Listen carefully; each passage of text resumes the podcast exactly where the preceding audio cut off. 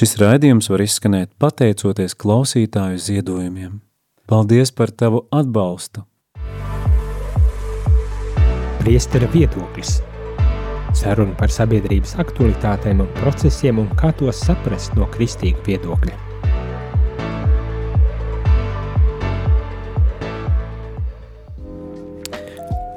Labdien, labdien, rādījumā arī klausītāji, šeit es, priesteris Jānis eh, Meļņkaus, Un šajā reizē kopā ar mani ir uh, viesis šajā raidījumā priesteru viedoklis, un tas ir neviens cits kā jau labi zināmais uh, priesteris uh, Ilmārs Tolstovs. Labdien! Sveiki, sveiki! Es tā saprotu, tu vēl esi izbraukumā kaut kur šajā Jā, brīdī. bet drīz, es, bet drīz es būšu jau uz vietas. Ļoti labi.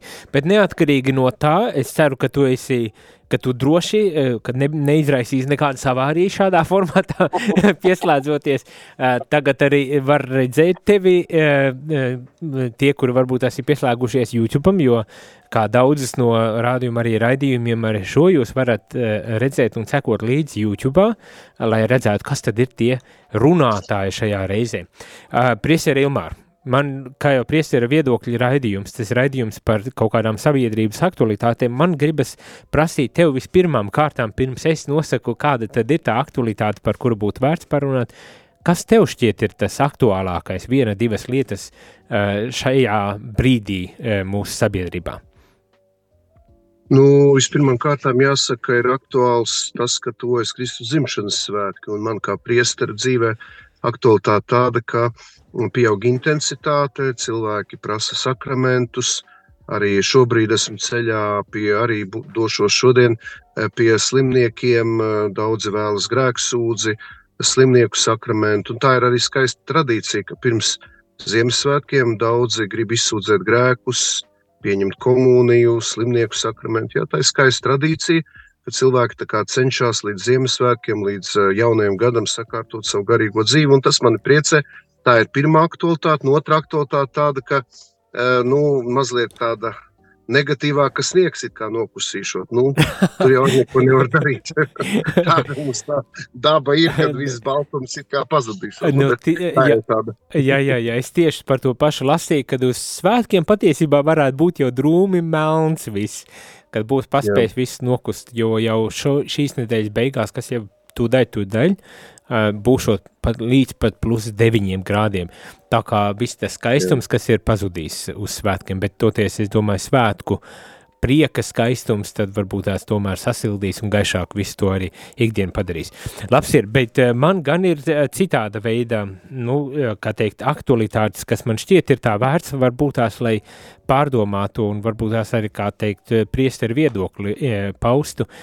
Viena no tām, es pat nezinu, kura būtu e, tā, tā primārā aktualitāte. Viena ir principā starptautiskā aktualitāte, un tā ir par, varbūt es esmu dzirdējis par to, ka Pasaules olimpiskā komiteja ir atļāvusi agresoru valstīm, tas ir Krievijas un Baltkrievijas sportistiem, ņemt dalību Parīzes olimpiskajās spēlēs, un šobrīd notiek liela uh, diskusija un liela tāda ņemšanās par to, lai panāktu ka tomēr tiek liekts, ka nav dota atļauja piedalīties, un, un tā skaitā Latvija jau ir paziņojusi, vismaz daži no sportistiem ir paziņojuši, ne, ne Latvijas olimpiskā komiteja paziņojusi, ka, un, ja piedalīsies Krievi vai Baltkrievija, tad viņi ne, neņems dalību. Un notiek milzīga tāda ažiotāža.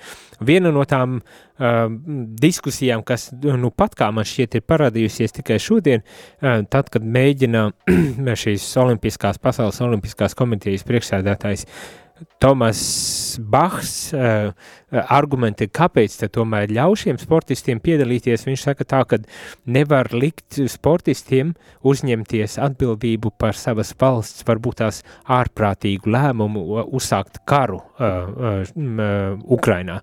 Un, un vienlaikus kāds no komentētājiem saka tā, ka, nu, tā, kad tā ziņa nonāca līdz Putinam, kad dos ļaut, atļauju uh, sportistiem piedalīties, tad viņš ar ir nokomentējis apmēram tā, nu, tā ir vienīga atšķirība, ka ir vai nav karogs, bet visi jau tāpatā zinās, no kurienes šie sportisti ir, kas, protams, atkal, eh, kā teikt, pavairo šo, šo diskusiju par to, nu, eh, cik, cik, nu, kur ir tā robeža, vienmēr sakot, vai mēs jau esam noguruši no tā kara un mums ir apnicis un mēs varbūt tās pat šajā gadījumā bieži vien dzirdam par korumpī, korumpī, pētības skandāliem ap šo olimpisko spēļu uh, komiteju, vai ne, kad, nu, kur, kur ir tā robeža vienmēr sakot, un, un cilvēki ņemas.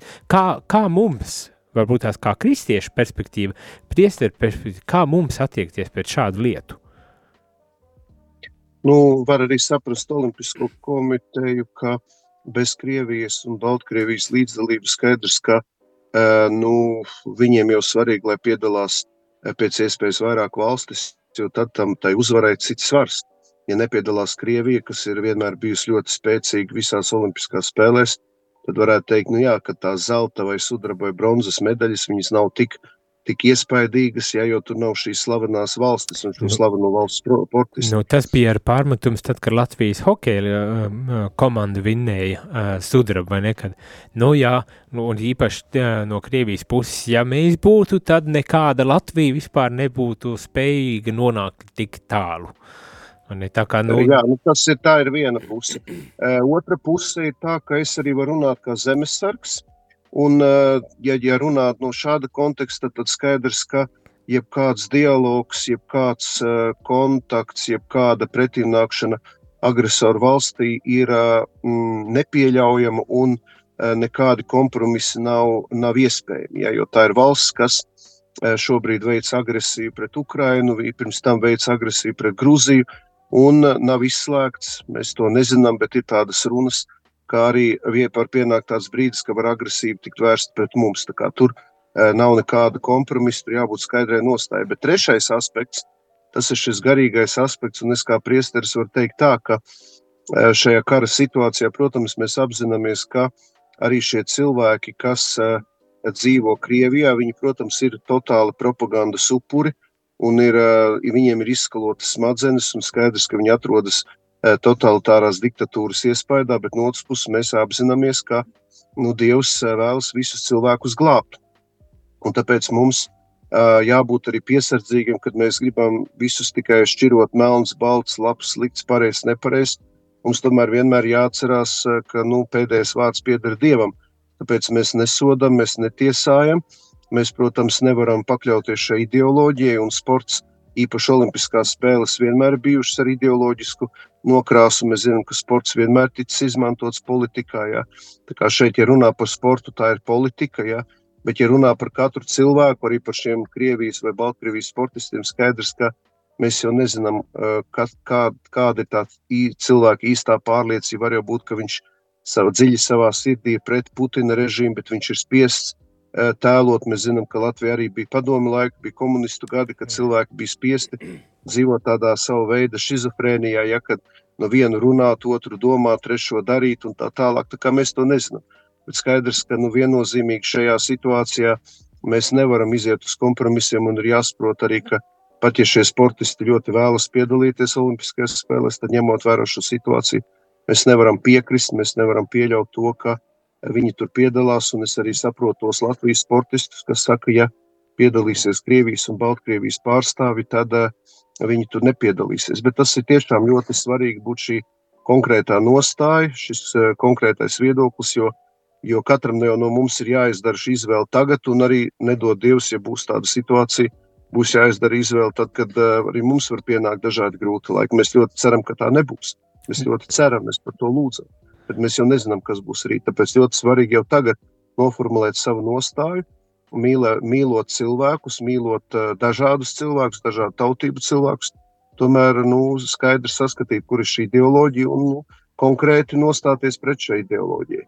Vai ne, bet uh, citiem vārdiem arī uh, sakot, man šķiet, nu ir jāuzņemas arī atbildība par, par kaut kādām rīcībām, pat ja tā nav tava individuālā, varbūt tās rīcība, kas padara nu, to aizvien smagāku un grūtāk pieņemama, es saprotu, un, un, un grūtāk panesama, un tomēr šajā gadījumā varbūt tās tomēr ir jāuzstāj uz tādu, nu, savu veidu taisnību šajā gadījumā, un rīcība arī no, bet tas jau arī bija, ko bieži vien arī uh, kopumā kara uh, kontekstā pauda dažādi eksperti, saucamie eksperti, kuri teica, nu, kad jā, nu, tauta šobrīd nav gatava kaut kādā veidā nostāties pret prastāvošo režīmu, jo viņi to neredz kā, kā ļaunumu, viņi to redz pat, patiesībā kā tādu savas tautas, savas valsts tiesību un, pārstāvniecību un tādu ļoti uzstājīgu pārstāvniecību vai, vai ļoti drosmīgu pārstāvniecību, ne? Bet,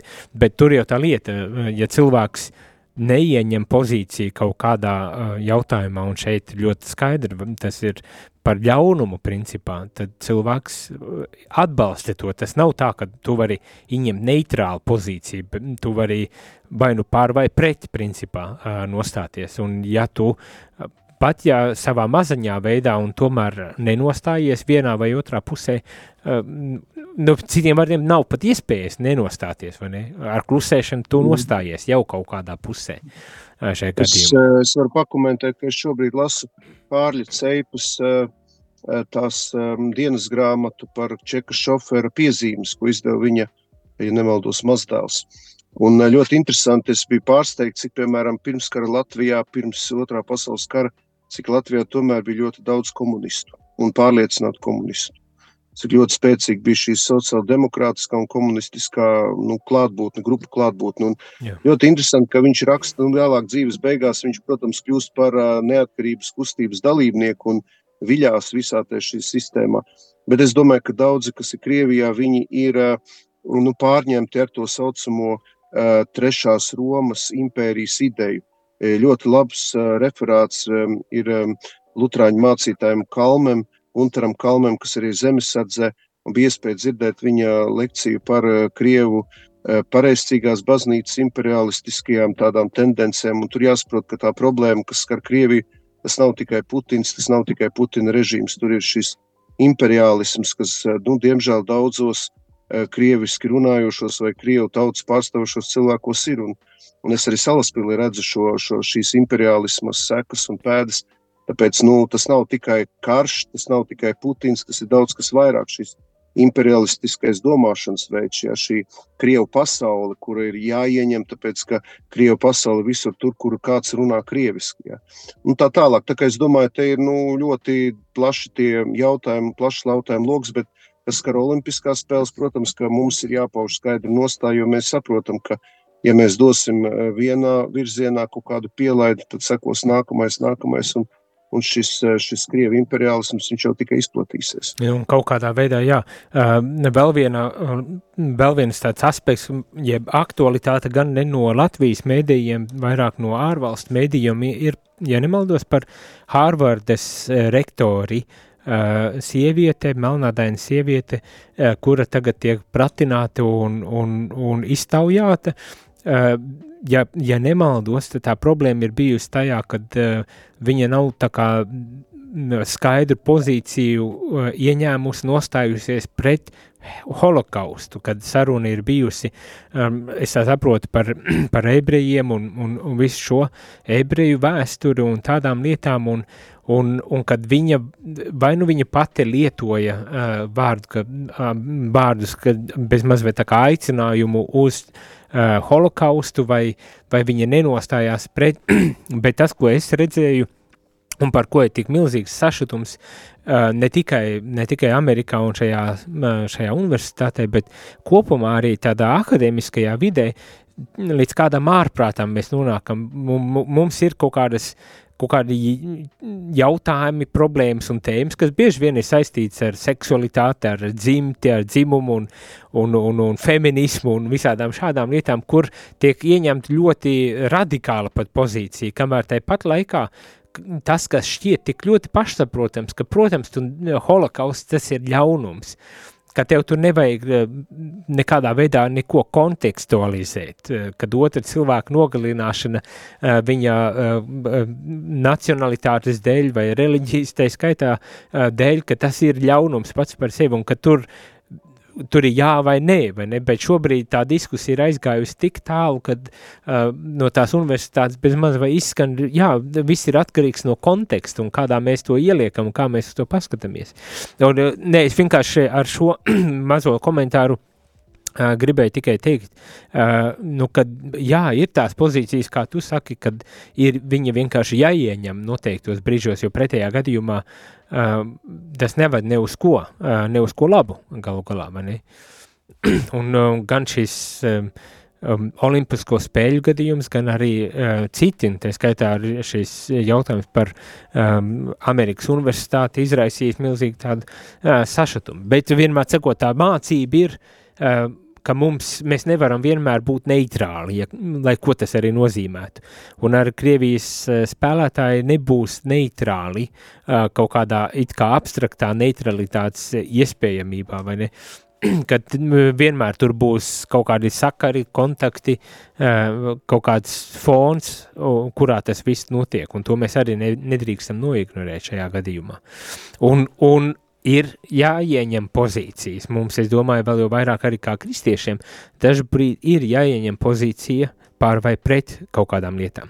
Bet, eh, bet šajā sakarā pār vai pret eh, man atkal rodas arī tāds jautājums par Eh, nu jā, kā, kā ieņemt par vai pret, jo dažbrīd man tā šķiet, mēs, eh, vēl, ne, vēl šodien man bija saruna ar, ar divām profesoriem, bija Aivita Putniņa, antropoloģijas profesora un Ilves Kultere, komunikācijas profesoru, un ar viņām kaut kā runājāmies, runājāmies, un, un viena no tām tēmām, kas manī, kā teikt, aizskāja, aizskāra, jeb uzrunāja, bija par to, ka, nu, uh, tas jautājums, kā mēs varam publiskajā laukā uh, pamatot kaut kādus savus viedokļus un iestāties par kaut kādām lietām. Ja, piemēram, mēs Bībeli bieži vien tiek piesaukti, bet uh, Bībeli vairs netiek uzskatīta par universālu kaut kādu uh, patiesību vai universālu valodu, ar kuru mēs varam uzrunāt cilvēkus. Tad kā mēs to varam izdarīt? E, es tagad laikam aizfilozofēju diezgan, diezgan tāli un, un vilku visu kopā, kas man šodien ir redzēts un dzirdēts, bet, bet man šķiet, nu, tas ir tāds jautājums, ne, kad mums vajag ieņemt pozīciju, bet kā mēs to izdarām, kā mēs pamatojam arī savas pozīcijas, un, un šeit es drusītiņi ar domāju gan par Stambulas, gan par Ehm, parakstu vākšana tagad pret eh, partnerattiecības eh, likumu un tā tālāk, un kā mēs to visu nokomunicējam, kā mēs iesaistamies kaut kādā dialogā un attiecībās, un kā mēs pozicionējam sevi, vai ne? Tāda tā lieta. Uh, nu, es ieteiktu izlasīt Douglasa Marija Pūļa neprātu ļoti labi izskaidrot šī te, uh, metode, metode, kas nāk no īpaši Amerikas Savienotām valstīm, mazliet tā saistīta ar canceling culture. Tad mēs redzējām par dzelzceļa vilku bunzinieku, ka nu, cilvēki tiek norakstīti par to, ko viņi, piemēram, ir izteikušies pirms 10, 15 gadiem. Mums ir jāspēj saprast, ka cilvēks dzīves laikā maina savu viedokli, un mēs arī nostājoties vienā vai otrā pusē, tas nenozīmē, ka mēs uzreiz tādi paliksim visu mūžu. Mēs redzam, ka daudzi svētie, daudzi filozofi, pat teologi, arī piemēram kardināls Ratzingers savā dzīvē ir mainījis viedokli no varbūt ļoti liberāla, kad viņš bija kopā ar teologu Hansu Kungu. Viņš pats atzīst, ka viņa e, teoloģiskās domas attīstībā ir vērojama process, kur viņš ir bijis spiests kaut no kaut kā atteikties. Es domāju, arī jāsaprot, ka arī baznīca mēs sludinām nemainīgo dievu atklāsmi, bet nevienmēr visi tie e, atklāsmes elementi, patiesības elementi ir skaidri saskatām. Šeit jau arī, kad mēs vācam parakstus par šo, lai apturētu partnerattiecības likumu, nav jau teikts, ka mēs tos parakstus savāksim, visdrīzāk, nesavāksim. Bet te jau jautājums par mūsu attieksmi. Es, piemēram, esmu joprojām ļoti lepns un mana sirdsapziņa mierīga par to, ka mēs e, gados pirms 2000 gadiem, tas bija 1999. gads, Pirms es iestājos seminārā, mēs rīkojam plašus protestus, mītiņus, piketus pret tā laika aborta likumu, kuru pieņēma, bet eh, es varu būt lepns, ka mums doma laukums bija pilns un mēs izplatījām kopā ar kustību par dzīvību bukletus. Ja. Tagad varbūt tas nav tik ļoti aktuāls, jo gan visi sabiedrībā zina, ka baznīca ir pret abortiem ja, un ka mēs neatbalstam abortus. Šai gadījumā arī pat, ja mēs varētu teikt šo eh, cīņu, juridisko, politisko cīņu zaudēsim, bet tomēr pēc tam jau sabiedrībā būs iesakņojis viedoklis, ka baznīca, kristīgā baznīca, katoļu, luterāņu, pareizcīgu baptistu mēs esam pret tātad vienzimumu laulību legalizāciju, pret to, ka šādi pārādoptē bērns un tā tālāk. Tas, ka laicīgā vara to pieņems un sabiedrība pieņems, tas ir cits jautājums, bet svarīgi mūsu šī nostāja. Un tāpēc nu, ne jau tā, ka mēs tagad kādu nicinam vai, vai nosodam, mēs jau nenosodam arī tās sievietes, kas ir izdarījušas abortus. Mēs dāvājam ar grēku piedošanu, iespējams, arī dziedināšanu sež, bet ir svarīgi šī skaidrā nostāja. Bet tas nenozīmē, ka mēs kļūstam tādi, nu, ideoloģiski, vai, piemēram, mēs kļūstam uzreiz tādi, nu, kaut kur es gribu lietot vārdu šo varbūt sektantiski, vai ka mēs kļūstam tādi ļoti ra radikālistiski, ja, mēs joprojām saglabājam šo pirmām kārtām atvērtību uz to, ka mēs visu vēl skaidri nezinām, ir daudz elementi, kur mums pašiem neskaidri, kur mums nav skaidrs, kādu nostāju ieņemt. Ir lietas, kuras mums ir ļoti skaidrs, ja, ko atklāja arī dievišķais likums caur atklāsmi, kas ir piemēram desmit dievu baušļi, tur ir, tev nebūs nokaut, tev nebūs laulība pārkāpt un tā tālāk. Bet ir daudzas niansētas lietas, kā piemēram tur arī tāpat mākslīga apaugļošana, kur arī baznīca skaidri izteikusies, ka tas ir grēks, bet tur ir ļoti daudz komplicētas situācijas ar pāriem, kuri nevar ieņemt bērniņus un tā tālāk. Ja, tā kā es gribu teikt, ka tas nu, vienmēr ir tāds nu, process, jo mums jau gribās, lai piemēram baznīcas kungs visu pasaka, ka ir. Tā vajag, tā nevajag, tas ir grēks, tas nav grēks. Tas jā, lai būtu skaidrs, galu galā. jā. Bet nu, nevienmēr tas viss ir tik skaidrs, un ir, ir lietas, kuras pati baznīca vēl, vēl, vēl pārdomā, vēl meklē, un tāpēc es domāju, nu, tas ir, bet ir, ir jautājumi, kur mums jābūt skaidrai nostājai, jā, bet ir jautājumi, kur mēs varam tomēr saglabāt tādu zinām veidu piesardzību, teikt, jā, mēs Mēs esam pret, bet tas nenozīmē, ka mēs uzreiz visu sadalām melns, balts, labs, slikts, tas tā, tas citādāk. Jo, jo laika gaitā izrādās, ka daudz lietas pavisam citādāk nekā mēs šobrīd to domājam. Nu jā, nu jā, tas prasa tomēr tādu arī zinām pazemību, um, kristīgā valodā runāt pazemību, lai, mm. lai pieļautu arī to domu, ka nu, var, var notikt arī attīstība kaut kādu, vismaz kaut kādās lietās. Uh, ejam mazā muzikālā pauzītē, pēc kā atgriezīsimies un uh, vēl vienu mazu tādu uh, aktualitāti no mūsu pašu mājām par uh, jauniešiem un, un, un atkarībām un, un tādām lietām. Debes pouco,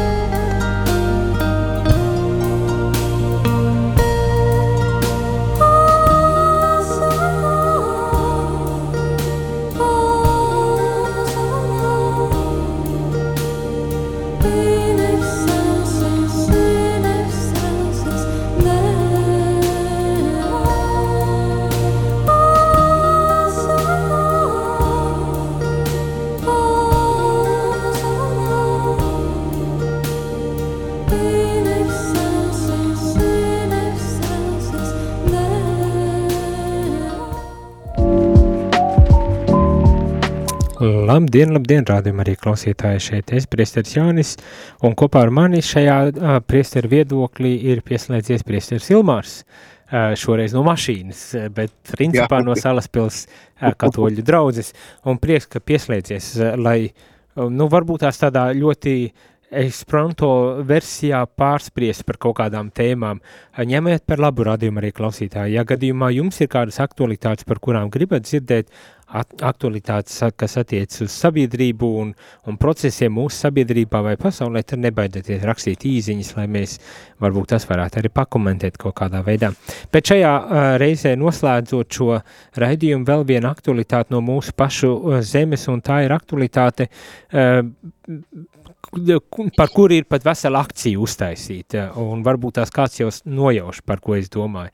Uh, saucas, uh, vai mēs redzam regulāri gan, gan internet vidē, gan arī televīzijā un, un daudz kur citur, tā skaitā radio, um, tādu nu, saukli palīdzi jauniešiem, kurus cilvēki izvēlas neredzēt. Uh, tā ir, man šķiet, radio pieci uh, akcija, kurā tiek vāgt ziedojumi, lai palīdzētu tad noteiktām grupām jauniešu. Un, un šajā sakarā, ja nemaldos, vakar vēl redzēju ziņās raidījumu, kur tiek skaidrots, kādas ir tās problemātikas, ar, kuriem, ar kurām jaunieši saskaras, un ir diezgan daudz.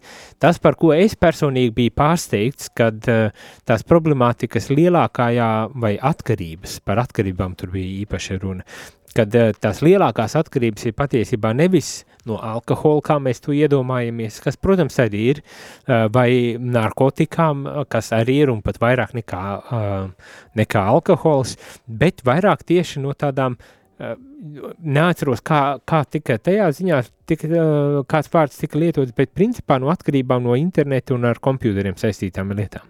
Ka tā ir tāda liela, liela sērga problēma, ar kuru šobrīd jaunieši cīnas un moces, un, un ka līdz galam nez vai mums ir pietiekoši nodrošināta iespēja viņiem jauniešiem tātad atrast varbūt tās izēja no šīs e, problemātikas. Es domāju, kopumā tā ir e, nu, ne, tikai, ne tikai internet spēles vai kaut kādas tādas lietas. Es pats esmu kā priesteris saskāries ar, ar cilvēkiem, kuri nāk un saka, nu, ko darīt, ko darīt šai gadījumā, kad bērns vai mazbērns e, principā pēc maz vai, kā, kā cilvēks saka, iznieko savu dzīvi un ne, neko produktīvu un vērtīgu nedara, kā tikai spēlē spēles. Uh, Kā ir, vai, vai ar to es saskanies kaut kādām līdzīgām problemātikām, un ko tu iesaki tādā gadījumā? Uh, tad jāsaprot to, ka visi sociālai tīkli un interneta digitālā pasaule strādā uz to, lai uh, noturētu skatītāju uzmanību. Un, ja nemaldos, Nils Saks Konstantinovs rakstīja, ka ļoti svarīgi, un arī daudz citi, gan psihologi, bērnu psihologi, ka jāierobežo bērnu tātad, nu, planšešu, datoru, tīklu lietošanas laiks, jo ļoti zūd koncentrēšanās spēja. Un tāpat tātad viss šī industrija strādā uz to, lai ar, ar, ar tām bildītēm, pie tiem pašiem tiktokiem, lai pēc iespējas ātrāk grieztos bildes, lai mainītu šie attēli, un visu laiku tā jauniešu vai arī pieaugušu cilvēku uzmanību tik noturēt. Un tas rada atkarību, un cilvēkam visu laiku tiek kaut kas griezts priekšā. Un to var redzēt arī baznīcā, ka cilvēki nespēja e, nu, izturēt, arī bērni, jaunieši nespēja izturēt stundu svēto misiju, viņi nespēja izturēt e, lekciju, viņi nespēja izturēt skolā mācību stundu, jo visu laiku vajag, ka kaut kas griežās. Un es, piemēram, pat esmu arī kādā ziņā pat pret arī šiem ekrāniem, kas ir baznīcā, jo tas atkal rada iespēju, ka arī tur vēl ir ekrāns, kurā ir jāskatās. Tā kā tur it kā mēs ar to ekrānu gribam iziet pretī cilvēkam, pretī, lai viņu kā, nu, viņam būtu interesanti, bet uh, līdz ar to pazūd koncentrēšanās spējas. Un tāpēc, ja runājam piemēram par tādu meditāciju, kontemplāciju, cilvēkiem arvien grūtāk un grūtāk palikt mierā, klusumā, viņš visu laiku burtiski raustās, to es pie bērniem redzu.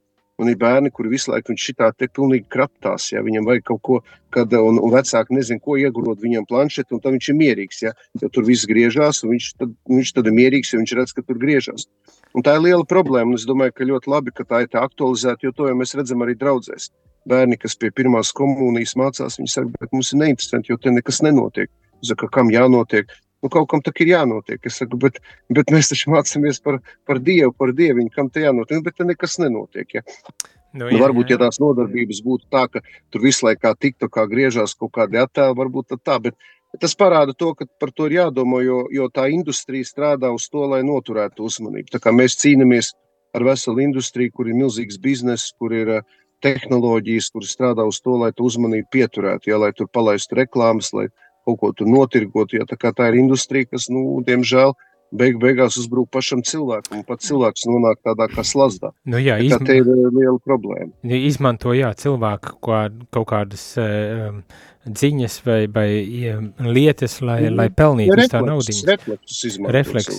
Bet arī, eh, starp citu, tā ir viena puse, bet otra puse ir, eh, mēs jau arī, piemēram, mēs tagad, mēs arī runājamies un izmantojam eh, radio un, un pat YouTube šajā gadījumā, lai runātu, lai uzrunātu cilvēku un varbūt tās kāds, kāds paman pat mūs, mēs pat dievkalpojums un viss raidam un turklāt Eh, ja nemaldos tagad šajā sinodālajā procesā, šajā sinodas sintēzes dokumentē arī tiek teikts, ka mums vajadzētu nevis cīnīties pret šo uh, tehnoloģiju tādu ienākšanu mūsu dzīvēs, bet uh, daudz efektīvāk iemācīties izmantot, lai arī to vēstu, ko mēs gribam nodot cilvēkiem, lai, lai starp visiem tiem skrejošiem ekrāniņiem parādītos ar mūsu vēstu. Jā, tas ir pareizi, bet ir viena bīstamība, jo to es redzēju uh, Man bija mm, decembra mēneša pirmā sestdiena adorācija, kuras uzdādīja sakramentu, un neviens draugs loceklis neatnāca. Un, kad es jautāju, kāpēc viņš saka, bet tas ir šausmīgi neinteresanti. Ja tur būtu slavēšana, ja tur būtu koncerts, ja tur būtu kaut kāda aktivitāte, mēs nāktu. Mēs uh, pieredzinām cilvēkus, kad uh, garīgums ir saistīts tikai ar akciju, ar akciju un pazūd kontemplāciju. Tā ir, nu, tā ir bīstama tendence, jo patiesībā, jā, es saprotu, ka vajag iesprāgties starp šiem zibošiem ekrāniem arī mūsu labai vēstī. Tas ir skaidrs, tur nav runas.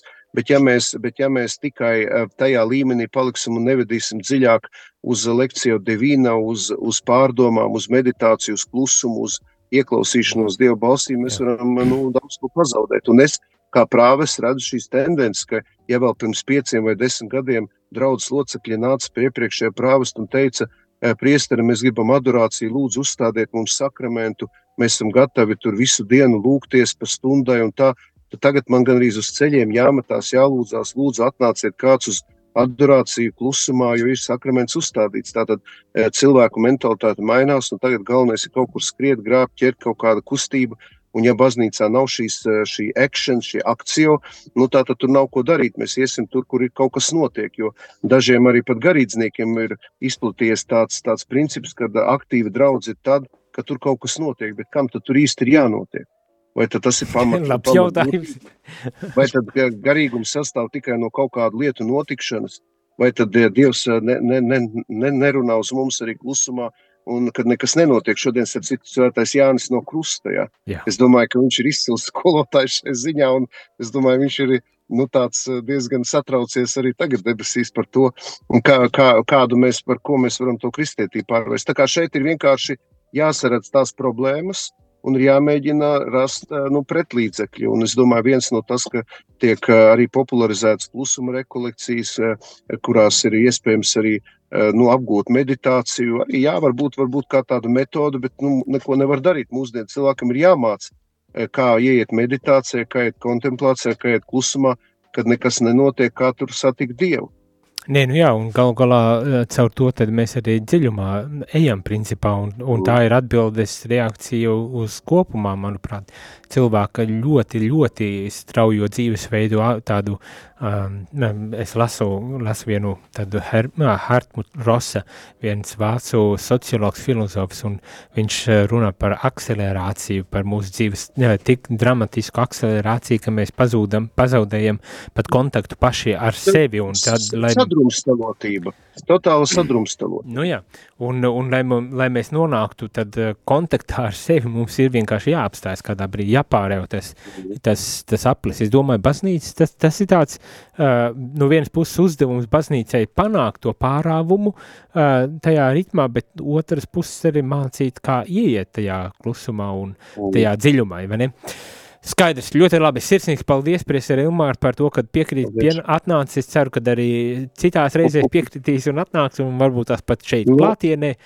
Es jau nekur neesmu atnācis. Es īstenībā Nu, savā mašīnā ar, balsi. ar balsi un ar tehnoloģiju palīdzību mēs arī bijām klātesoši. Paldies arī jums, rādījumā, arī klausītāji, uz tikšanos nākošajā reizē. Lai visiem skaista šī eh, vēl pagaidām baltā diena. Laimīgi! Ar Dievu. Izskanēja raidījums Priesteru viedoklis – saruna par sabiedrības aktualitātēm un procesiem, kas bija iespējama pateicoties jūsu ziedojumam. Paldies!